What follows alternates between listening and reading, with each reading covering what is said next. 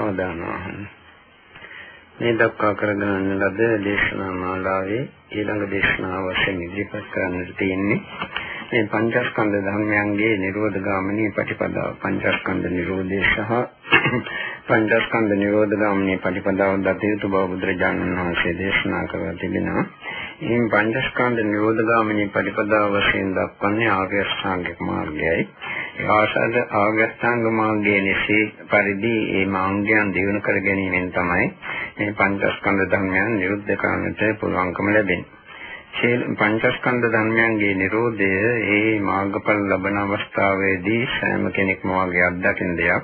රූප Nirodhaය රූපස්කන්ධයේ Nirodhaය දකිනවා. එතනදී සම්පූර්ණයෙන්ම රූපේ නොපෙනී ගොස් සිතට වැටහෙන්නේ නැතුව ඒ රූප නිමිත්ත නැත්තටම නැති යාම දැකීම තුළින් රූප නිරෝධයක් දකින්නට පුළුවන්.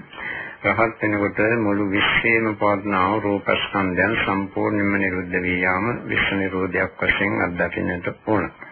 එතකොට නාමස්කන්ධයේ නිරෝධයේ අත්දකින්නවා කියන එකෙන් අදහස් කරන්නේ නිර්වාණ ධාතුව අත්දකින විට ඇතිවන සියුම් දැනීම මාත්‍රේ හැර අනිත් සියලුම නාම ධර්මයන් නිරුද්ධ වී යාම. මේකත් ඒ මාර්ගඵල අත්දකින විට සාමාන්‍යයෙන් ඕනෑම කෙනෙකුට අත්දකින්නට පුළුවන් කාරණාවක් ඒ Nirodhe දැක්දීමෙන් තමයි නිවන් අත්දකින්නේ. එතකොට මේ Nirodha ගාමිනී ප්‍රතිපදාව වන්නේ ආර්ය අෂ්ටාංග මාර්ගයයි. ඒ ආර්ය අෂ්ටාංග මාර්ගය කියන එක මේ විතර අහලා තියෙන කාරණාවක්. සම්මා දිට්ඨි සම්මා සංකප්ප සම්මා වාචා සම්මා කම්මන්ත සම්මා ආජීව සම්මා වායාම සම්මා සති සම්මා සමාධි කියන අට මේ ආර්ය අෂ්ටාංග මාර්ගයේ අංග 8 තුළින් සම්මා සංකප්ප සම්මා වාචා සම්මා කම්මන්ත සම්මා ආජීව කියන කරුණු හතර ජීවිතයට එකතු කරගත යුතු කරුණු හතරක් සම්මා සංකප්ප වශයෙන් හඳුන්වන්නේ නෙක්ඛම්ම සංකප්ප, ව්‍යාපාර සංකප්ප, අවිහිංසා සංකල්ප කියන කොටස් තුන.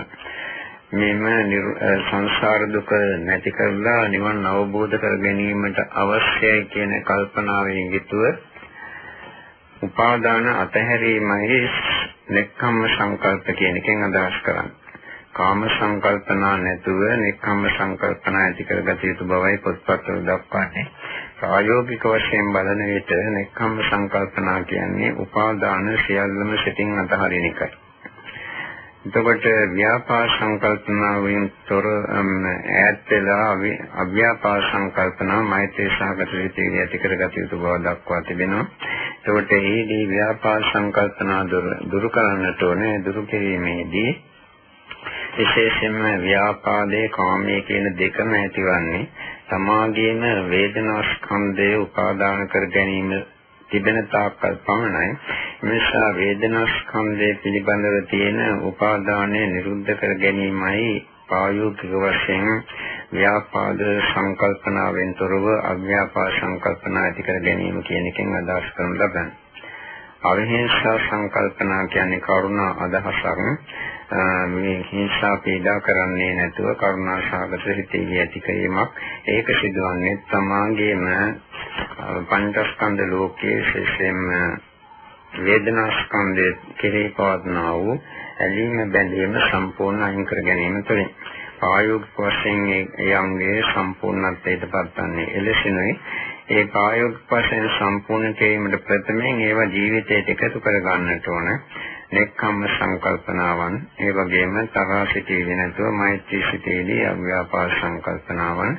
ඒ වගේම හිංසා පීඩා කිරීමේ සිටීදී නැති අවිහිංසා සංකල්පනාවන්. මේවා ජීවිතයට එකතු කරගත යුතු අංගයි. සම්මා සංකප්පගාවට සම්මා වාචාව යහපත් වචන බොරු කේලම් පරුෂ වචන සම්පප්පලාප වලින් ඈත් වීමයි මෙතන සම්මා වාචා කියලා කතා කරන්නේ. මේ කර්ම මාර්ගඵල ලැබීමට බලාපොරොත්තු වන කෙනෙක් විසින් ජීවිතයට එකතු කරගත යුතු අංගයක්. මාර්ගඵල ලබන අවස්ථාවේදී සම්මා වාචා කියන්නේ ඕවා නෙවෙයි. මේ පංචස්කන්ධ ලෝකයේ තුල තිබෙන යථා තත්ත්වයේ යථා පරිදි දකින විට තමාගේ සිත තුළ පහළ වන විතක්ක විචාර චෛතසික ධර්මයන් තමයි සම්මා වාචා කියලා කියන්නේ.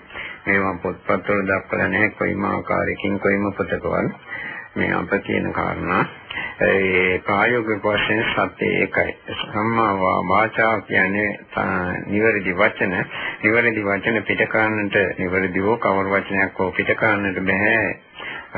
විතක්ක ਵਿਚාර චෛතසික ධර්මයන්ගේ ක්‍රියාදාමයේ නැත්නම් එතකොට ඒ විතක්කේ සහිත ਵਿਚාරයේ සහිත සිටින ඒ চৈতසික ධර්මයන් සහිත සිටිවිලි පාලවන විට පමණයි අපිට පුළුවන්කම තිබෙන්නේ වචන පිට කරන්නට.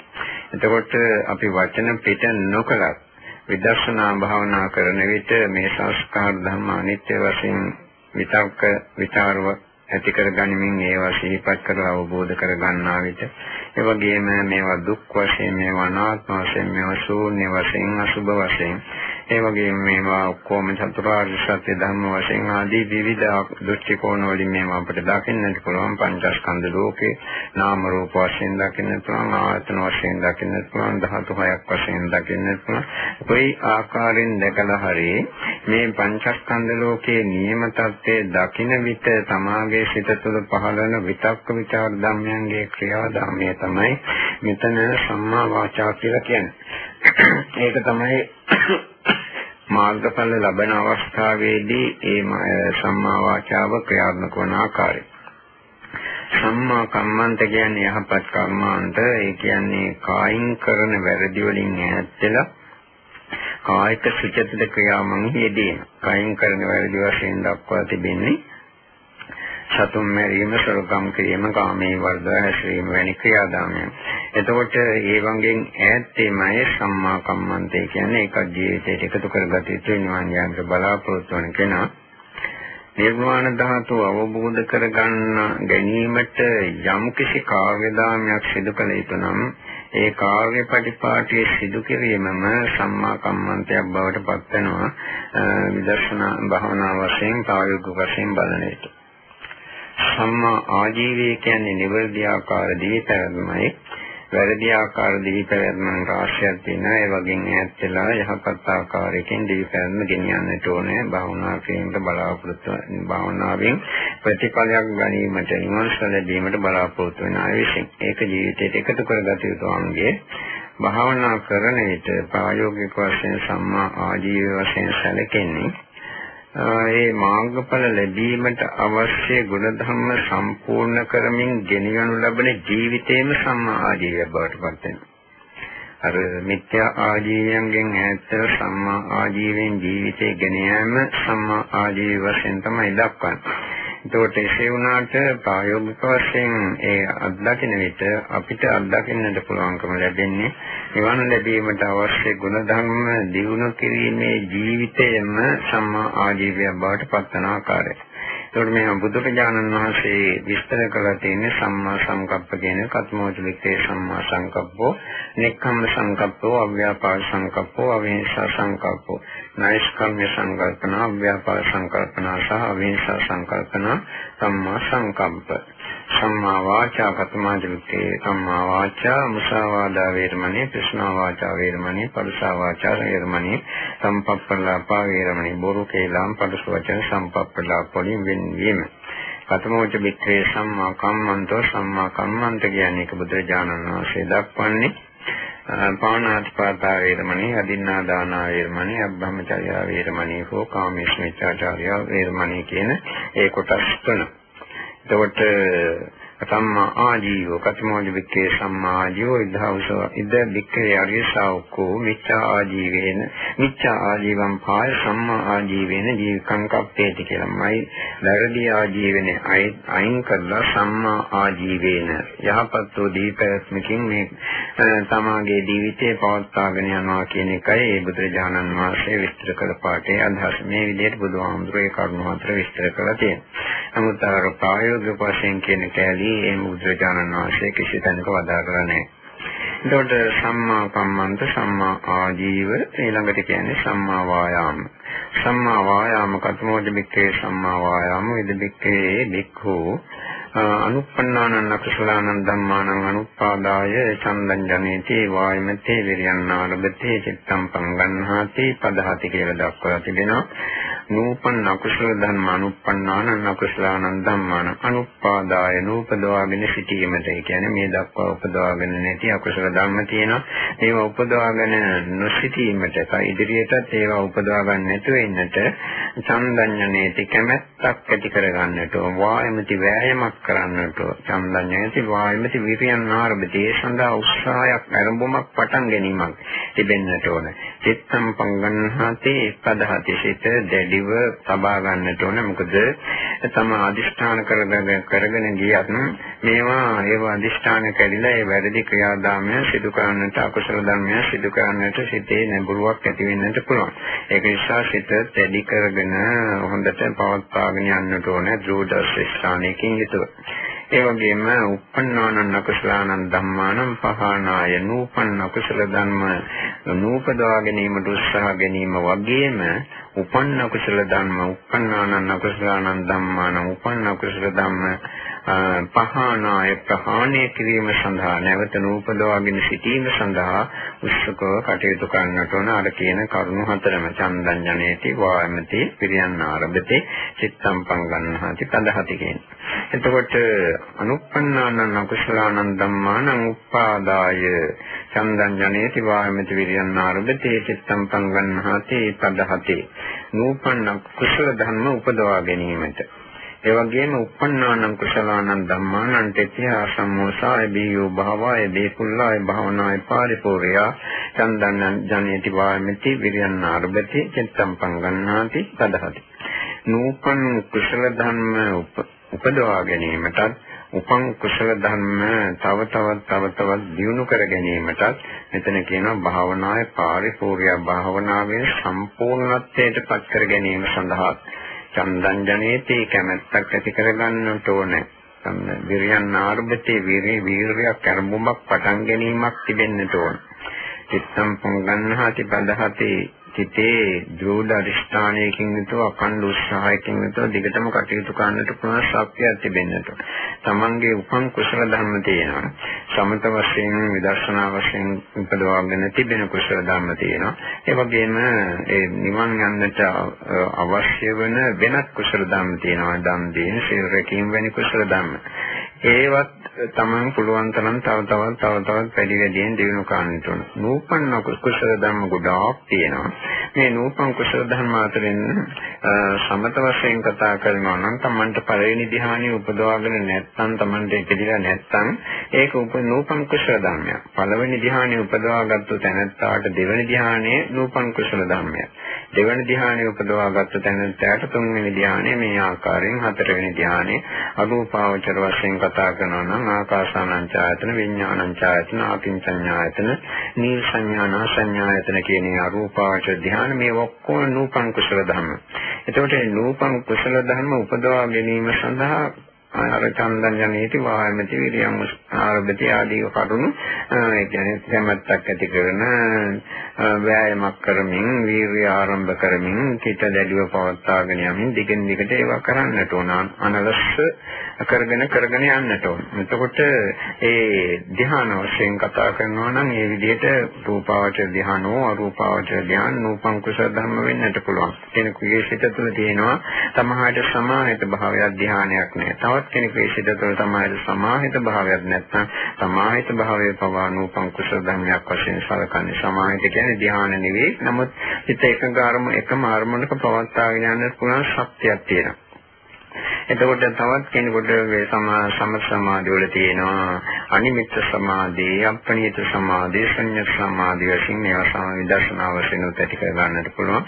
ඒට අමතරව මේවා ඡන්ද සමාධිය තියෙනවා, චිත්ත සමාධිය තියෙනවා, වීර්ය සමාධිය තියෙනවා, විමර්ශන සමාධිය තිබෙනවා. මේවා අනුපන් කුසල ධර්ම එකම සමාධිය වුණත් ඡන්දේ පාදක කරගෙන ඇති කර ගන්නට පුළුවන්. කියන්නේ කැමැත්ත. ඒ වගේම සිත පාදක කරගෙන චිත්ත සමාධිය ඇති කර ගන්නට පුළුවන්. වීර්ය පාදක කරගෙන ඇති කර ගන්නට පුළුවන් විමර්ශාව කියන්නේ නුවණ ප්‍රඥාව ඒ ප්‍රඥාව පාදක කරගෙනත් එකම සමාධියක් ඇති කර ගන්න එකම උදාහරණ වශයෙන් පළවෙනි ධ්‍යානය කියලා හිතමු එකම අරමුණකින් ආනාපානයට උදාහරණය ආනාපාන සති භාවනාව තුළින් අපි පළවෙනි ධ්‍යානෙ උපදවා ගත්තා නම් මේක ඡන්දේ පාදක කරගෙන උපදවා ගන්නට පුළුවන් වීර්ය පාදක කරගෙන උපදවන්නට පුළුවන්. ඒ වගේම චිත්තේ සහ විමර්ශාව පාදක කරගෙන උපදවන්නට පුළුවන්. මේවා නූපන් කුසල ධර්ම. මේ ඡන්ද චිත්ත විරිය විමර්ශාව වශයෙන් සමාධි දියුණු කර ගැනීම අභිඥා ලැබීමට අනිවාර්යයෙන්ම කළ යුත්තක්. යම් කිසි කෙනෙක් භාවනා කරලා සුළු අභිඥාවක් ලැබීමට බලාපොරොත්තු වෙනවා නම් විදර්ශනා භාවනාව පමණක්ම කරලා කිසිසේත්ම ප්‍රමාණවත් නැහැ. කවදාවත් මේකෙන් විදර්ශනා භාවනාවෙන් නිවන ලැබුණට කිසිම ඉද්ධි අභිඥාවක් ලබන්නට හැකියාවක් නැහැ. ඒක නිසා ඉද්ධි අභිඥා ලැබීමට යම් කෙනෙක් බලාපොරොත්තුවක් තිබෙනවා නම් අනිවාර්යයෙන්ම ඒ ඉද්ධිපාද ධර්මයන් වැඩෙන ආකාරයෙන් ඒ විදර්ශ සමත භාවනාව දියුණු කරන්නට ඕන. ඉද්ධිපාද භාවනාව දියුණු කරන්නේ නැතුව කවදාවත් ඒ ඉද්ධිපාද ධම්ම ඉද්ධියෙන් ලබන්නට බෑ. ඉද්ධිපාද භාවනාව කියලා වෙනම දේශනාවක් ඇති. ඒ මේ අය මේ දේශනාව අහලා බලන්න. ඒක දීර්ඝ දේශනාවක්, පැයක පැයක පමණ දේශනාවක්. එතකොට ඒවා නූපන් කුසල ධර්මයේ නූපන් කුසල ධර්ම උපදවා ගැනීමට උත්සුකව කටයුතු කිරීම අනිවාර්යයෙන්ම කළ යුතුයි. අර අභිඥා ලැබීමට ඉද්දීන් ලැබීමට සුළු හෝ විද්‍යාවක් ලැබීමට බලාපොරොත්තුවක් තිබෙනවා. ඒක නිසා විදර්ශනා භාවනාව කිරීමෙන් පමණක්ම සෑහීමකටපත් වී සිටින එක එතරම් සුදුසු නෑ. අපි යම් කිසි ප්‍රතිඵලයක් ලබනවා නම් ලබන්නට පුළුවන් ඉහළම ආකාරයෙන් සෑම ප්‍රතිලාභයක්ම ලැබමින් ලබන්නට පුළුවන් නම් ඒක තමයි ශ්‍රේෂ්ඨ. එහෙම නැත්නම් සුළුවෙන් යන්තම් විභාගයක් පාස් වෙනවා වගේ ලකුණු 30ක් 40ක් අරන් විභාගයක් පාස් වෙනවා වගේ පාස් වන්නට පුළුවන්. නමුත් ලකුණු 100 මරම් පාස් වෙනවා නම් ඒක තමයි ශ්‍රේෂ්ඨ. ඒ වගේ තමයි මේ මාර්ගඵල ලැබීම හා සම්බන්ධයෙන් කටයුතු කරන විටත් අපේ පිළිපැදිය යුතු වන්නේ. ඒකේ කළොත් තමයි අපිට ඉහළ ඉහළ අන්දමින් ඒවැ ප්‍රතිඵල භුක්ති විඳින්න පුළුවන්කම ලැබෙන්නේ. එතකොට මේ සමත වශයෙන් මේ විදිහට උපදවා ගත යුතු කරුණු රාශියක් තිබෙනවා. මේ දක්වා උපදවාගෙන නැති උපදවා ගත යුතු කරුණු ඒවා. ඒ වගේම විදර්ශනා වශයෙන් කතා කරනවා නම් යම් කිසි මාර්ගඵලයක් ලැබලා තියෙන කෙනෙක් විදර්ශනාවක් දියුණු කරලා තියෙන තරම දුරට එයින් එහාට දියුණු කරගත යුතු විදර්ශනා පරිපාඩ ධර්මතාවයන් දියුණු කරලා නැහැ. ඒවා දියුණු කරන්නට උත්සාහ කරන්නට ඕන. මාර්ගඵලයක් ලැබපු නැති කෙනෙක් වුවත් ලැබපු කෙනෙක් වුවත් මේ සියලුම සංස්කාර අනිත්‍ය වශයෙන් සියලුම සංස්කාර දුක් වශයෙන් සියලුම ධර්ම අනාත්ම වශයෙන් දැකලා නැත්නම් ඒ දැකලා ඇත්තේ යන්තම් තමන් අවබෝධ කරලා තියෙන ප්‍රමාණයට පමණක් විය හැකි. මේවා 100%ක්ම තව තවත් එහාට අවබෝධ කරන්නට තියෙනවා. මේවා නූපන් කුසල ධර්ම. ඒ වගේම අවිද්‍යාව පත්‍ය සංඛාර සංඛාර පත්‍ය විඥාන ආදී වශයෙන් දැක්කෙන පටිච්චසමුප්පාද ධර්මයන්ගේ ක්‍රියාදාමේ ඒ ක්‍රියාමානින් පඩලෝම වශයෙන් දක්වා ඇති අවිද්‍යා නිරෝධා සංඛාර නිරෝධෝ ආදී නිරෝධෝ ආදී වශයෙන් දක්වා ඇති අවිද්‍යා නිරෝධයෙන් සංස්කාර නිරෝධය ඇති වෙනවා ආදී ඒ කරුණු තමාම ප්‍රත්‍යක්ෂ වශයෙන් අත්දැකලා නැත්නම් මේවත් නූපන් කුසල ධර්ම වශයෙන් සැලකිය යුතුයි. ඒ වගේම අපි කියමු මේ ධාතු හයක් තියෙනවා පඨවි ආපෝ තේජෝ වායෝ ආකාශ විඥාන. මේ ධාතු හයේ නියම தත්ත්වය තමයි දැකලා නැත්නම් ධාතු හය ධාතු හයක් වශයෙන් දකින සත්‍ය පුද්ගලික ආත්මික වශයෙන් දකින්න නැතුව විශේෂයෙන් මෙතන රූපස්කන්ධය නාමස්කන්ධය දෙකම තියෙනවා. එතකොට මේ නාම රූප ධර්මයන් ධාතු වශයෙන් දකිනවා. ඒ ධාතු ඇතිවීමේ හේතුව දකිනවා ධාතුන් නිසා ඇති වෙන ආස්වාදයේ ඒකෙනිට ඇති වෙන ආදීන ආදී කරුණු දැකලා නැත්නම් ඒවත් නූපන් කුසල ධර්ම තමයි. යන්තම් දැකලා තියෙන එක නෙවෙයි මේ. මම අදහස් කරන්නේ මේවා පිළිබඳ කරුණු කියවලා පොත්පත්වල තියෙන කරුණු මතක තියාගෙන ඉන්න කාරණාවක් නෙවෙයි. මේ මම අදහස් කරන්නේ මේවා ප්‍රායෝගික වශයෙන් තමයි. අත්දැකලා නැත්නම් ඒවා නෝපන් කුසල ධර්ම වශයෙන් සැලකිය යුතුයි කියන එකයි. අප මේ දක්වීමට බලාපොරොත්තු වන අර්ථය.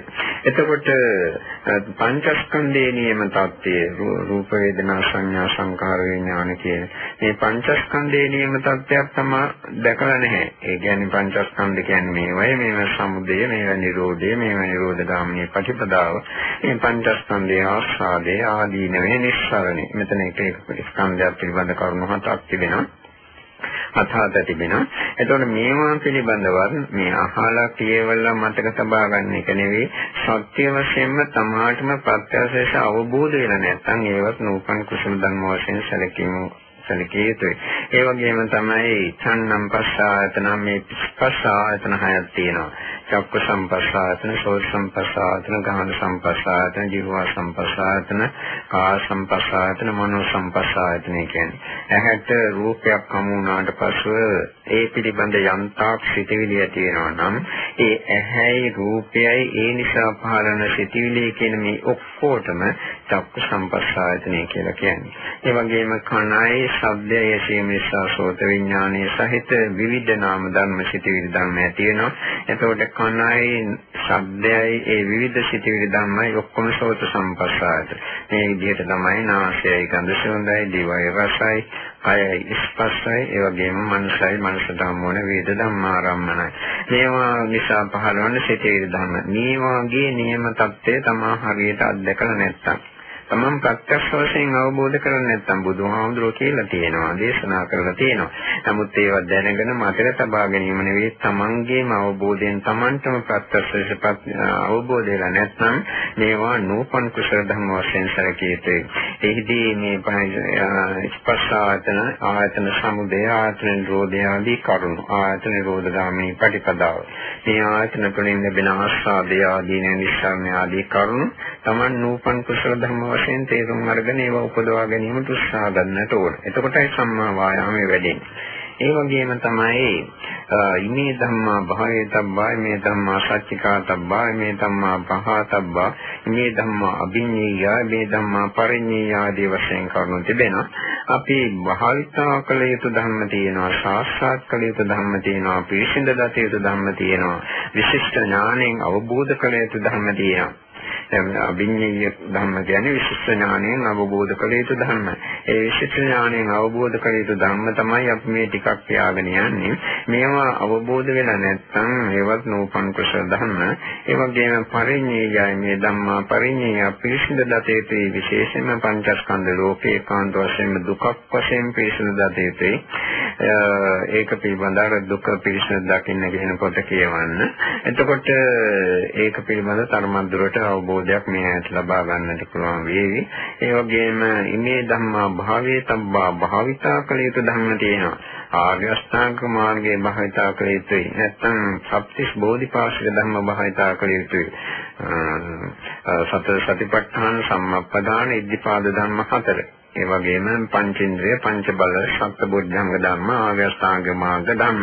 මේවා Taman දිනු කරලා නැහැ. දිනු කරලා මේ දක්වා දිනු කරලා තියෙන යන්තම් Taman ලබා සිටින යම් කිසි තත්ත්වයක සිටිනවා නම් ඒ තත්ත්වයට පමණයි. ඒක නිසා එයින් එහාට තව තවත් දිනු කරන්නට ඕනේ, භාවිතා කරන්නට ඕනේ, ප්‍රගුණ කරන්නට ඕනේ. ඒවා නූපන් කුසල ධර්ම. එතකොට ආර්ය අෂ්ටාංග මාර්ගයෝ සතර සතිපට්ඨාන ධර්ම ආදී සත්‍විස් බෝධිපාශක ධර්ම නූපං කුසල ධර්ම වශයෙන් සලකලා ඒවා දිනු කර ගැනීමට උත්සාහ කරන කෙනාට තමයි සම්මා වායාමයේ වැඩෙන්නේ. මේ යහපත් උත්සාහය කියලා යන්තම් අතර වෙනව නෙවෙයි. ඒක සම්මා වායාමයේ කියන එක ගැඹුරින් ගැඹුරින් බලලා මොකක්ද සම්මා වායාමයම කියලා තේරුම් අරගෙන තමා තුළ මේ ගුණ ධර්ම මොනවද වැඩිුනේ නැත්තේ ඒවා වඩන්නට වඩා ගත යුතුයි කියන අවබෝධයෙන් සතියෙන් යුතුව කටයුතු කිරීමයි මේදී අවශ්‍ය වන්නේ. විශේෂයෙන්ම අපි හිතමු සම්මා සතිය දියුණු වෙලා නැත්නම් 100%ම සම්මා සතිය දිනු කෙනෙකුට මොනවත් කරන්නට අවශ්‍ය නැහැ. සතිය දිනු කරන්නට අවශ්‍ය කමක් නැහැ. එයාට පුළුවන් ඕනෑම දෙයක් ඕනෑම ආකාරයෙන් කර කර ඉඳලා මම සතියෙන් යුතුව වැඩ කරනවා කියලා හිතනකොට මේ සිතිවිල්ල සමගම 100%ම සතිය පිහිටවාගෙන වැඩ කටයුතු කරගෙන යන්නට පුළුවන්කම තිබෙනවා. එවැනි හැකියාවක් නැති සෑම කෙනෙක්ම සම්මා සතිය දිනු කරන්නට ඕනේ. ආර්ය අෂ්ටාංග මාර්ගය අංගයක්.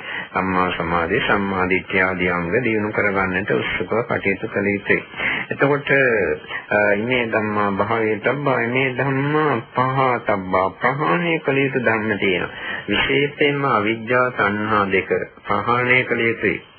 අවිද්‍යා තණ්හා කියන කොටස් දෙක ප්‍රහාණය කිරීමට පංචස්කන්ධය කෙරෙහි තියෙන චන්දරාගය ප්‍රහාණය කළ යුතුයි.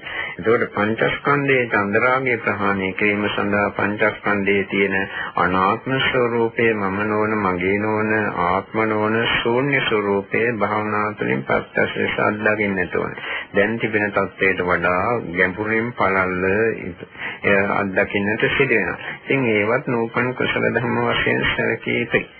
ඊළඟට මේ ධම්මා සත්‍තිකා තබ්බා සාස්ත්‍රාත් කළ යුතු ධම්ම දෙනවා. විඥා විමුක්තිය කියලා ප්‍රධාන වශයෙන් ඒවා කොටස් දෙකකට බෙදන්නට පුළුවන්. විමුක්තිය කියුවාම නිදහස සම්පූර්ණයෙන්ම අරහත් චේතෝ අරහත් ඵල චේතෝ විමුක්තියදී සඳහන් කරන්නේ. චේතෝ විමුක්තියෙන් පඤ්ඤාවෙන් තින් දිත්තේ ධම්මේ සංඅභිඥා සත්‍යකත්වව සම්පදි වේරති කියලා බුදුහාමුදුරු දැක්වූ පාඩයක් තියෙනවා. මේ චේතෝ විමුක්තිය පඤ්ඤාවෙන් මේ ජීවිතේම අධ්‍යක දෙක වාසය කරනවා කියන එකයි සාමාන්‍ය සරල අදහස. මේ දෙකට තමන්ට පැමිණ වාසය කරන්නට බැරි නම් ඒකත් ඉතින් නූපන් කුසල ධර්මයක් තමයි. විද්‍යා කියන එක අභිඥා වලට බර එකක්. ත්‍රිවිද්‍යා අට විද්‍යාව වැනි ධර්මයන් ඒකට අන්තර්ගත වන්නේ අද කාලේ නම් ඒව උපදවා ගන්නට හැකියාවක් බොහෝ දුරට නෑ. මොකද අර ඉද්ධිපාද ධර්ම වශයෙන් සමතය දියුණු කරලා සිටපු අය මේ බුද්ධ ශාසනයේ මේ වෙන විටත් ඒ ඉද්ධිපාද භාවනාවන් තුළින් ලැබිය යුතු ප්‍රතිඵල අත්දැකීමින් සිද්ධීන් සහිතව නිවන් අවබෝධ කරලා ඉවරයි කියන එක පොත්පත්වල දක්වා තිබෙනවා. මේක 100%ක්ම නිවැරදි කියලා මා කියන්නේ. නමුත් බොහෝ දුරට නිවැරදි බව තමයි අපට පැටහෙන්නේ. එම නිසා ඒ විද්‍යාව කියන එක, ඒ කියන්නේ පුබ්බේ නිවානස නිවාසානසත් ඥානය, දිබ්බචක් ඥානය, පරචිත්ත විඥාන ඥානය වැනි ඒවා විද්‍යාව කොටසයි අයිති වෙන්නේ. මේවත් නූපන් කුසල ධර්ම. ඉතින් ඒ සඳහා විශේෂ අවධානයක් යොමු නොකලත් අර විමුක්තිය ලබා ගැනීමට උත්සුකව කටයුතු කරන්නට ඕන විමුක්තිය නූපන් කුසල ධර්මයක්. ඊට අමතරව කෙනෙකුට තේරෙන්නේ නැත්නම් යම් කිසි සමුදය ධම්මං සම්බන්තන් නිරෝධ ධම්මං කියලා. යම් කිසි හේතුන්ගෙන් හටගත් ධර්මතාවයන් තියෙනවා නම් මේ කොහොම නිරුද්ධ වී යන ධර්මයේ කියලා අවබෝධ වෙලා නැත්නම් ඒකත් නූපන් කුසල ධර්මයක් තමයි. මේදී යම් කෙනෙක් රහත් වෙලා සිටිනවා නම් ඒ රහත් ඵල සිත පවා නිරුද්ධ වී යන ධර්මයක් කියලා දකින්නට පුළුවන්කම තිබෙනවා එවැනි කෙනෙකුට. එතකොට ඒයින් පහළ තියෙන ධර්මතාවයන් නිරුද්ධ වී යන ධර්මයේ කියන එක ගැන කියන්නට ඇත්තම දෙයක් නැහැ. ඒක නිසා මේක සුළු කාරණාවක් නෙවෙයි තා ගැඹුරු කරුණක් එතන තියෙන්නේ. යම් කෙනෙක් සමුදය ධම්මං සම්බන්තන් නිරෝධ ධම්මං මේ සියලුම ධම්ම නිරුද්ධ වී යනවායි කියලා දැකලා නැත්නම් ඒකත් නූපන් කුසල ධර්මයක්. ඒව උපදවා ගැනීම උත්සුක කටයුතු කරන්නට වෙනවා. නැත්නම් ඉදන් දුක්ඛං අරිය සත්‍යං ධ්‍යාන දුක්ඛ සමුදයෝ ධ්‍යාන දුක්ඛ නිරෝධෝ ධ්‍යාන දුක්ඛ නිරෝධ ගාමිනී පටිපදාති. මේක තමයි දුක්ඛ සත්‍ය කියලා හරියට පිළිසිඳ දැකලා නැත්තම්. මේ දුක්ඛ සමුදය සත්‍ය මේකයි කියලා එක ප්‍රහාණය කරලා නැත්තම්. මේක තමයි මාර්ග සත්‍ය කියලා සම්පූර්ණයෙන් මේක වඩලා නැත්තම් මේක තමයි නිරෝධ සත්‍ය කියලා සම්පූර්ණයෙන්ම සාක්ෂාත් කරලා නැත්තම් මේවත් නූපන් කුසල ධර්ම තමයි. මේ චතුරාර්ය සත්‍ය ධර්මයන් ඒ ආකාරයෙන් වර්ධනය කර ගැනීමට සමාගයේ සිත තුළ උද්‍යප්පේ භංග බයතුපත්ඨාන ආදීනව නිබ්බිදා මුංචිත කම්මිතා පරිසංකා සංඛාරුපේක්ඛාන දෝම ගෝත්‍ර භූ මග්ගඵල පච්චවෙක්කනාදී විදර්ශනා ඥාන තියෙනවා. මේ විදර්ශනා ඥාන උපදවාගෙන නැත්නම් ඒවත් නූපන් උපන් කුසල ධර්ම තමයි. ඒ චතුරාර්ය සත්‍ය ධර්මයන් අවබෝධ කර ගැනීමට මේ විදර්ශනා ඥානය උපදවා ගැනීමට බොහෝ විට උපකාර වෙන අනිත්‍යානුපස්සනා, දුක්ඛානුපස්සනා, අනාත්මානුපස්සනා වැනි අනුපස්සනාවන්, නිබ්බිදානුපස්සනා, විරාගානුපස්සනා, නිරෝධානුපස්සනා, පටිනිස්සග්ගානුපස්සනා වැනි අනුපස්සනාවන් දිනු කරලා නැත්නම් මෙතන සත් අනුපස්සනා වශයෙන් කරුණු හතක් අපි දීවේ. තව තියෙනවා කයානුපස්සනා, වයානුපස්සනා, විපඤ්ඤාමනුපස්සනා, නිමිත්තානුපස්සනා, අපිනිත්තානුපස්සනා, ශුන්‍යතානුපස්සනා ධම්මානුපස්සන ආදිපඤ්ඤා ධම්මානුපස්සන ආදී වශයෙන් තියෙනවා තව ගොඩක් දේවල්. ඒකෝට මේවා නූපන් කුසල ධම්ම මේවා උපදවා ගැනීමට යම් කෙනෙක් උත්සකව කටයුතු කරන්නට ඕන. එහෙම කටයුතු කරනකොට තමයි දිනෙන් දින දියුණුවක් ලබන්නට පුළුවන් වන්නේ ඉහළම ප්‍රතිඵලයක් ලබන්නට පුළුවන් වන්නේ සම්මා වායාමයකින් තොරව නිවනක් ලබන්නට බෑ. ඒ සම්මා වායාමයේ ඒක නිසා අනිවාර්යයෙන්ම දියුණු කරගත යුතුයි භාවනාවක් වශයෙන් වැඩි යුතුයි ප්‍රබලම කළ යුතුයි. ඒ ආර්ය අෂ්ටාංග මාර්ගයේ කාංගයක්. සම්මා වායාම සම්මා සතිය කියන්නේ සතර සතිපට්ඨාන ධර්මයන් කතමාජ මික්කේ සම්මා සතියද මික්කේ මික්කෝ කායේ කායानुපස්සේ විහෙරති ආකාපේ සම්පජානෝ සතිමා විනී ලෝකේ අභිජ්ජා දෝමනස් වේදනාසු වේදනානුපස්සේ විහෙරති චිත්තේ චිත්තානුපස්සේ විහෙරති ධම්මේසු ධම්මානුපස්සේ විහෙරති ආකාපේ සම්පජානෝ සතිමා විනී ලෝකේ අභිජ්ජා දෝමනස් කියන ඒ පාඩේ බුදුරජාණන් වහන්සේ දක්වා තිබෙනවා සම්මා සතිය විස්තර කිරීම සඳහා. මෙහිදී අපි පාඨයේ සාරාංශ කරලා කතා කළේ විස්තර වශයෙන් නෙවෙයි. එතකොට කායානුපස්සනාව, වේදනානුපස්සනාව, චිත්තානුපස්සනාව, ධම්මානුපස්සනාව ධේතසීයම සම්පූර්ණත්වයට පත් කර ගැනීමයි සම්මා සතිය කියන්නේ. ඒ සම්මා සතිය දිනු කර ගැනීම සඳහා සීයෙන් වැඩ කටයුතු කිරීමත් අවශ්‍ය වෙනවා. ඊට අමතරව සතර සතිපට්ඨාන ධර්මයන් දිනු කිරීමත් අවශ්‍ය වෙනවා. ඒ සතර සතිපට්ඨාන ධර්මයන් මේ දක්වා 100%ක් උපදවාගෙන නැත්නම් මේවා නූපන් කුසල ධර්ම සම්මා වායාමයේ වැඩිම තුලින් ඒවා උපදවා ගන්නට උත්සුකව කටයුතු කළ යුතුයි. සම්මා සමාධි ළඟට කියන්නේ සම්මා සමාධි කියනකොට පතමාද බික්කේ සම්මා සමාධි මොකද්ද මානේ සම්මා සමාධිය කියන්නේ? එද බික්කේ දෙකෝ වේචීල කාමයේ විවිච්ඡ කුසලේ ධම්මේ සවිතක්කං සවිචාරං බේක ජම්පේසකම් පතමඥානං උපසම්පජ්ජ විරති.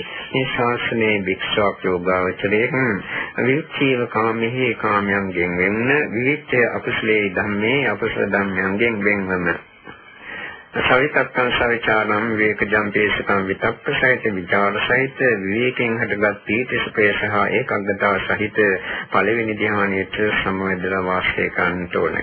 සමතවස සමතේ අනිවාර්යයෙන්ම අපි දිනු කළ යුතු විශේෂයෙන්ම අනාගාමී වීමට බලාපොරොත්තු වන කෙනෙක් විසින් අනිවාර්යයෙන්ම ධ්‍යාන හතර උපදවා ගත යුතුයි. අරහත් වීමට බලාපොරොත්තු වෙන කෙනෙක් අනිවාර්යයෙන්ම රූපාවචර ධ්‍යාන උපදවාගත යුතුයි.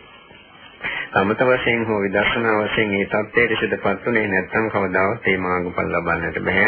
ඒ නිසා මේ සමත වශයෙන් ධ්‍යාන උපදවාගෙන සිටීම ඊ타මත්ම ප්‍රයෝජනවත් වෙනවා ඉහළ ඉහළ මාර්ගඵල ලැබීම සඳහා. එතකොට ඒකෙන් අතරුන්නේ නැහැ බුදුරජාණන් වහන්සේ විතක්ක ਵਿਚාරාණ උපසමා අධ්‍යාත්ම සම්පසාදනං චේතසෝ කුදිමාවං අවිතක්කං විචාරං සමාධං පේසුතං ဒုတိ ය ඥානං උපසම්පදී වේරති කියලා දෙවෙනි ධ්‍යානයට සමවැදී වාසය කරනවායි කියලා දෙවෙනි ධ්‍යානයත් උපදවාගත යුතු බව දක්වා තිබෙනවා. ඒ දෙවෙනි ධ්‍යානය එය බුදුරජාණන් වහන්සේයින් නතර වෙන්නේ නැතුව තුන්වෙනි ධ්‍යානයත් හතරවෙනි ධ්‍යානයත් උපදවා ගත යුතු බව විශේෂයෙන්ම සම්මා සමාධිය විස්තර කරනකොට දක්වා තිබෙනවා. ඒ සම්මා සමාධිය එම නිසා අනිවාර්යයෙන්ම නිවන් ලැබීම සඳහා දියුණු කරගත යුතුමයි. සම්මා සමාධියෙන් නෙවෙයි නිවන් ලැබෙන්නේ සම්මා දිට්ඨිය තුළින්. නමුත් සම්මා දිට්ඨිය තුළින් නිවන් ලැබෙන විට සම්මා සමාධිය උපකාරක ධර්මයක් වශයෙන් ක්‍රියාත්මක විය යුතුයි. සම්මා සතියත් උපකාරක ධර්මයක් වශයෙන් ක්‍රියාත්මක විය යුතුයි. යම් කිසි කෙනෙක් තියුණු ප්‍රඥාවකින් යුතුව මාර්ගඵල ලැබලා තියෙනවා නම් විනිවිද දැකිය හැකි ප්‍රඥාවකින් යුතුව මාර්ගඵල ලැබලා තියෙනවා නම් එවැනි කෙනෙකුට මේ මාර්ගඵල ලබන අවස්ථාවේදී පහළ වූ නාම ධර්මයන් ඒ ඒ වෙලාවේ පහළ වූ ධම්මතාවයන් දකින්නට පුළුවන්. සදා සම්දාගතේ ධම්මේ පස්සනේ පඤ්ඤා පච්චේක්කනේ ඥානං කියලා ඥානෙ විස්තර කරනවා. මේ මාර්ගඵල පහළ වන අවස්ථාවේදී පහළ වූ ධර්මයන් දැකිය හැකි ඥානෙ. ඒදී මේ සම්මා සමාධියේ කොයි ආකාරයෙන් ආකාරයෙන් මාර්ගඵලයක් ලබන විට උපස්තම්භක වූවාද කියන කරුණ පැහැදිලිව දකින්නට පුළුවන්. සීලයේ කෙසේද ක්‍රියාත්මකුනේ, සමාධියේ කෙසේද ක්‍රියාත්මකුනේ, සත්‍විස් බෝධිපාශික ධර්මයන් අතරින් විශේෂයෙන්ම සත්‍ය බොද්ධංග ධර්මයන්, සති සමාධි ප්‍රඥා වැනි ධර්මයන්, ඉන්ද්‍රිය ධර්මයන් කෙලෙසින්නම් ඒ අවස්ථාවේදී ඒ මාර්ගඵල ලබන විට උපස්තම්භක ධර්ම වශයෙන්, උපකාරක ධර්ම වශයෙන් අනුබල දෙමින් ඒ ඒදී ක්‍රියාත්මක වුණාද කියන කාරණාව පැහැදිලිව ප්‍රායෝගික වශයෙන් දකින්නට පුළුවන්. එමේසා මේ සම්මා සමාධිය අනිවාර්යයෙන්ම මාර්ගඵල ඉහළ මාර්ගඵල ලබන විට අත්‍ය අනිවාර්යයෙන්ම ඇති දෙයක්. එමේසා පළවෙනි දෙවෙනි තුන්වෙනි හතරවෙනි කියන ධ්‍යාන හතරවත් උපදවා ගැනීමට උත්සුකව කටයුතු කරන්නට ඕනේ. පීතියාච විරාග උපේක්ඛකෝච විහෙරති සතෝ සම්පජානෝ යන්තං අරිය ආචික්ඛන්ති උපේක්ඛකෝ සතිමාසුක විහාරීති සත්‍ය ඥානං උපසම්පජ්ජ විහෙරති සුඛස්සජ පහනා දුක්ඛස්සජ පහනා පුබ්බේ සෝමනස්ස දෝමනස්සානං අත්තංගම දුක්ඛං සුඛං උපේක්ඛා සති පාරිශුද්ධින් චතුත්ථ ඥානං උපසම්පජ්ජ විහෙරති අනුමුච්චති වික්ඛේ සම්මා සමාධි කියලා අර විස්තර නොකළ තුන්වෙනි ධ්‍යානය සහ හතරවෙනි ධ්‍යානයත් ඒ ආකාරයෙන් බුදුහාමුදුරෝ පෙන්වුම් කරලා තියෙනවා. විස්තර නොකළ කියන්නේ කියන්නේ සිංහලෙන් කියපු එකේ පාලි කෑම අපි කලින් කිව්වේ නේ. එතකොට මේ විදිහට සම්මා සමාධිය දිනු කරන්නට ඕන. මේ සම්මා සමාධිය දිනු කර ගැනීමෙන් අර පංචස්කන්ධ නිරෝධ ගාමිනී ප්‍රතිපදාව ශේෂියම්ම සාර්ථක වීමට නම් සම්මා දිට්ඨිය අනිවාර්යයෙන්ම දිනු කර යුතුයි. ඒ සම්මා දිට්ඨිය මේ ධම්මා භාවයේ තබ්බා භාවිතා කළ යුතු ප්‍රගණු කළ යුතු ධර්මයක් වශයෙන් Taman තේරුම් ගන්නට මේක මම කලින් කියවයි කරුණ. එතකොට මේ සම්මා දිට්ඨිය කියන එක විස්තර කරනවා නම් මෙවැනි දේශනාවකින් විස්තර කරන්නම කරන්නට බෑ. ඒ සඳහා පැය 5-6ක පමණ දේශනාවක් අඩුම වශයෙන් කරන්නට සිදු වෙනවා. එතකොට මේ සම්මා දිට්ඨිය තුළින් යහපත් දැකීම සම්මා දිට්ඨිය කියන්නේ මේ සම්මා දිට්ඨිය තුළින් තමයි චතුරාර්ය සත්‍ය ධර්මයන් දකින්නේ. මෙහිදී මේ චතුරාර්ය සත්‍ය ධර්මයන් පිළිබඳ කරුණු කියවල අවබෝධ කරන තේරුම් අරගෙන සිටීම නෙවෙයි විශේෂයෙන්ම මාර්ගඵල වලට සිතපත් වන අවස්ථාවේදී මේ චතුරාර්ය සත්‍ය ධර්මයන් කෙසේ ක්‍රියාත්මක වුණාද කියලා දැකලා ඒක ප්‍රත්‍යක්ෂ වශයෙන් අත්දැකීමයි මෙහිදී සම්මාදිට්ඨිය කියන එක කියන එකෙන් අදහස් කරන ලබන්නේ. ප්‍රායෝගික වශයෙන් මේකයි ඉහියක්තේ. නැත්තම් ප්‍රායෝගික නොවන ආකාරයෙන් කියනවනම් සම්මාදිට්ඨිය කියන්නේ කතමාද බික්කේ සම්මාදිට්ඨිය යම්කෝ බික්කේ දුක්ඛේ ඥානං දුක්ඛ සමුදය ඥානං දුක්ඛ නිරෝධේ ඥානං දුක්ඛ නිරෝධ ගාමිනී පටිපදා ඥානං මයං උච්චිත බික්කේ සම්මාදිට්ඨිය කියලා දක්වා තිබෙනවා. සම්මාදිට්ඨිය කියන්නේ මහණෙනි දුක පිළිබඳ ඥානය දුක ඇතිවීම පිළිබඳ ඥාන ඇතිවීමේ හේතුව පිළිබඳ ඥානය දුක නිරුද්ධ කිරීම සහ දුක්ඛ නිරුද්ධ කිරීමේ මාර්ග පිළිබඳ පිළිබඳ ඥාන. මේවටයි සම්මාදිට්ඨිය කියලා බොහෝ විට බුදුරජාණන් වහන්සේ විස්තර කරලා තියෙන්නේ. ඔතන ওই විදිහට කියවට වෙනත් විවිධ තැන්වල සම්මාදිට්ඨිය විස්තර කළ ආකාර රාශියක් තියෙනවා. සම්මාදිට්ඨිය කියලා සූත්‍රයක් තියෙනවා. ඒකේ මට මතක හැටියට 16 ආකාරයකින් සම්මාදිට්ඨිය විස්තර කරලා තියෙනවා. ওই මහා කච්චායන වැනි සූත්‍රවල සම්මාදිට්ඨිය තවත් ආකාරවලින් දක්වා තියෙනවා. චත්තාවේශක සම්මාදිට්ඨිය කියලා වෙනත් සූත්‍රයක තවත් ආකාරයකින් මේ සම්මාදිට්ඨිය ක්‍රියාත්මක වන ආකාරය දක්වා තියෙනවා.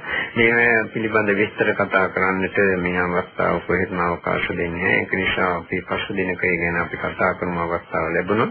ඒකට සම්මා දිට්ඨිය අනිවාර්යයෙන්ම දියුණු කරගත යුත්තක්. ඒ දියුණු කර ගැනීම සඳහා සම්මා දිට්ඨියෙන් දත යුතු සම්මා කියන්නේ යහපත් දිට්ඨිය කියන්නේ දැකීම. බොහෝ දෙනෙක් දකිනිය ඇත්ත ඇතිසැටියෙන් නෙවෙයි වැරදි ආකාරයෙන් ඇත්ත ඇතිසැටියෙන් දැකීම පිළිබඳ කරුණු තම අවබෝධ කරගෙන ප්‍රායෝගික වශයෙන් භාවනාවෙන් අත්දකින්නට ඕනේ.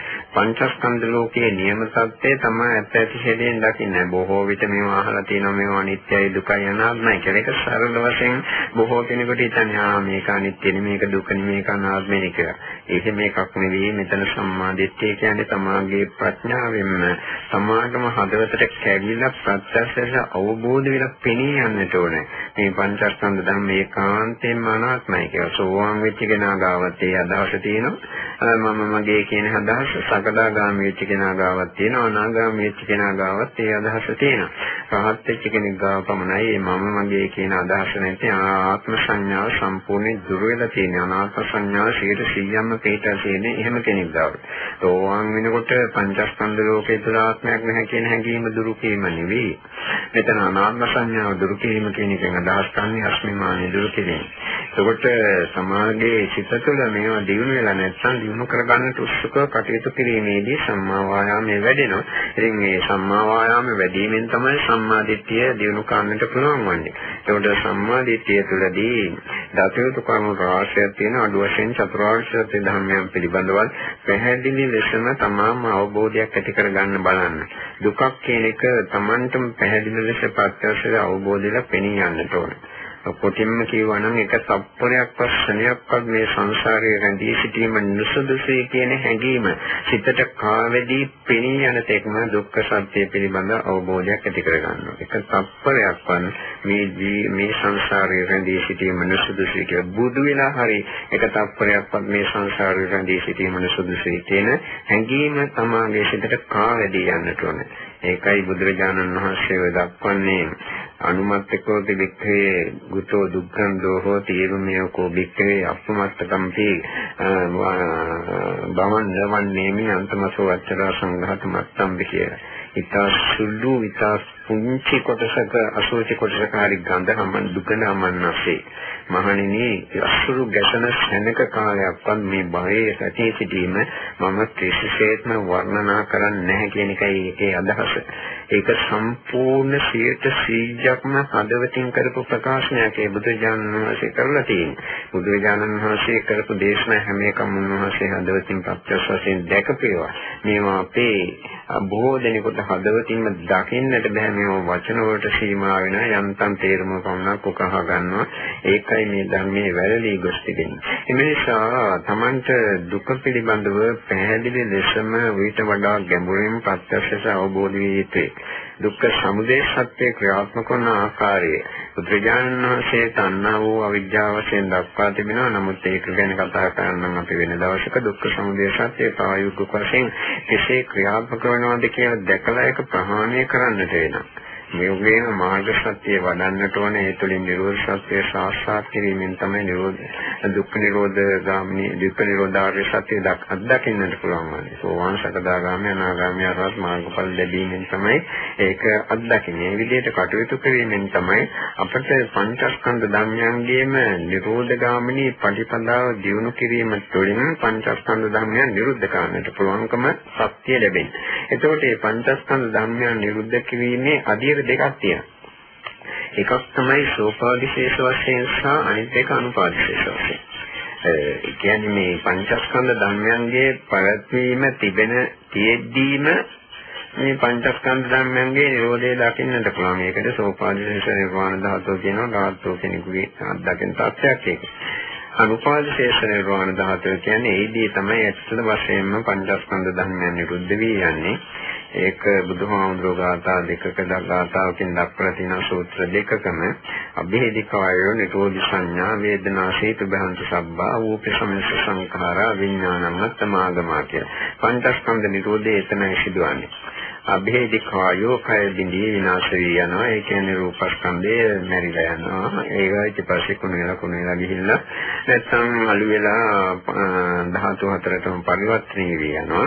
නැත්නම් ওই දබ්බමල්ල මහරහතන් වහන්සේ පින්නම් පාන විට තමයි ඔය ධාතාව දේශනා කළේ. උන්වහන්සේ අභිඥාලාභී රහතන් වහන්සේ නමක් උන්වහන්සේ පින්නම් පාන අවස්ථාවේදී ආසට පැන නැගලා ලෝක සත්‍ය බලාගෙන සිටිද්දීම තේජෝ කසිනේ සමවැදිලා තමන්ගේ ශරීරය අලු ටිකක්වත් ඉතුරු නොවන ආකාරයෙන් නිරුද්ධ වේවා කියලා අදිස්ථාන කරලා පින්නම් පෑවේ. ඒකට දැක්වූ උදාන වාක්‍යයක් වශයෙන් බුදුදානන් වහන්සේ ගාථාව ප්‍රකාශ කළේ. ඒ අවස්ථාවේදී උන්වහන්සේගේ ශරීරයෙන් කිසිම දෙයක් ශේෂුනේ නැහැ. අනු මාත්‍ර රූප කොටසක්වත් ඉතුරුනේ නැහැ. සාමාන්‍ය රහතෝ කෙනෙක් මරුණාට පස්සේ පින්නම් පෑවට පස්සේ ඉතින් මේ රූප කොටස් තියෙනවා දහස් කොටස් ශේෂ වෙනවා නැත්නම් අලු ටිකවත් ඉතුරු වෙනවා නැත්නම් මූල අනිත් මූල දහස් අතරට ශේවි යනවා. මාරු වී යනවා. එතකොට අභේදේ කායෝ නිරෝධි සංඥා සංඥාවන් ඔක්කොම නිරුද්ධ වී නැත්තටම නැති වෙනවා. වේදනා සීති බහන් සබ්බා සියලුම වේදනාවන් සීති බහන වෙනවා කියන්නේ සිඳිලා නැත්තටම සීතල වෙලා යනවා. රූප සමනස සංඛාරා සංස්කාර ධර්මයන් ඔක්කොම සමනය වෙනවා. වියත සමනය වෙනවා කියන්නේ සංසිඳිලා නැත්තටම නැතිලා යනවා.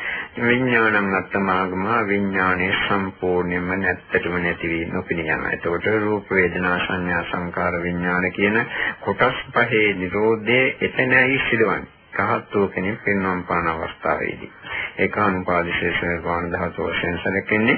එයින් පස්සේ ඉතින් කියන්නට කිසිවක් නැහැ දුකක් කියලා කියන්න දෙයක් නැහැ දුකක් පිහිටන්නට තැනක් නැහැ.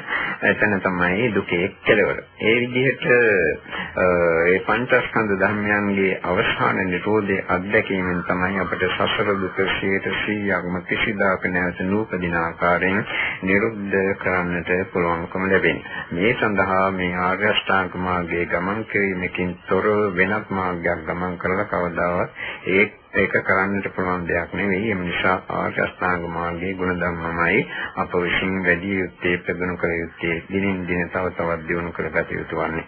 මේ විදිහට කටයුතු කරන්නට උත්සුක උනන්දු වන්න. ඒකට මේ දක්වා කියපු කරුණු සාරාංශය කියන්නට නැති තරම් මේක ගැඹුරු දේශනාවක් නෙවෙයි සරල දේශනාවක්. එතකොට පංචස්කන්ධයේ නිරෝධය කියන එක සහ නිරෝධගාමිනී ප්‍රතිපදාව කියන එකයි අපි කතා කළේ අද.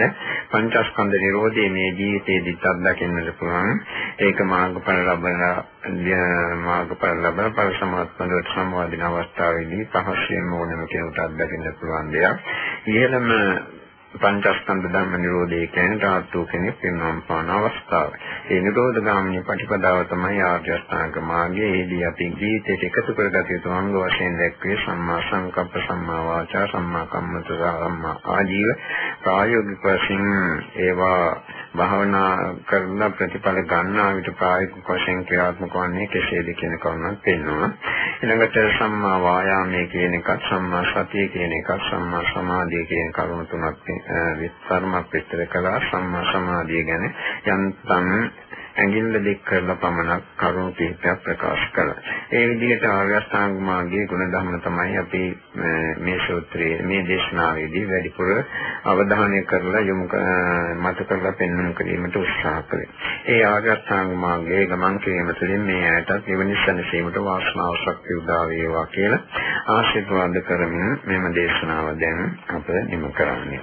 හොඳයි අපි දෙවියන් මේ පින් දෙමු. ආකාශත්තාදී කියන පාඨයේ කියමු ආකාශත්තාදී බුම්මත්තා දේවානාගා මෛත්‍රිකා පුඤ්ඤන්තං අනුමෝදිතා චන්දක්කන්ත ශාසනං ආකාශත්තාදී බුම්මත්තා දේවානාගා මෛත්‍රිකා පුඤ්ඤන්තං අනුමෝදිතා චන්දක්කන්ත දේශනං. ආකාශත්තාදී බුම්මත්තා දේවානාගා. පුඤ්ඤන්තං අනුමෝදිත්වා චිරන් රක්칸තු මම් පරන්තේ ප්‍රාර්ථනිකං ඉමිනා පුඤ්ඤ කම්මේන මාමේ බාල සමාගමෝ සතං සමාගමෝ හෝතු යාව නිබ්බාන පත්‍ය. ඉදම් මේ පුඤ්ඤං ආශවක්ඛයා වහන්නෝතු සබ්බ දුක්ඛා පමච්චතු මේ කල සියලුම කුසල ශක්තියේ බලෙන් මේ ඇයට සසල දුක නිමිතීමට වාසනාව ශක්තිය උදා වේවා. අභිවාදන සීලස්ස නිත්‍යං වද්ධා පිටායනෝ චත්තාරෝ ධම්මා වද්ධන්ති ආයුවන් සම්පන්නෝ සුඛං වරං ආරෝග්‍ය සම්පත්තේ සග්ග සම්පත්ති නීවච අතෝ නිබ්බාන සම්පත්ති නාතේ සමිඤ්ඤතු සෝපත්තේ වානිවංශං කරති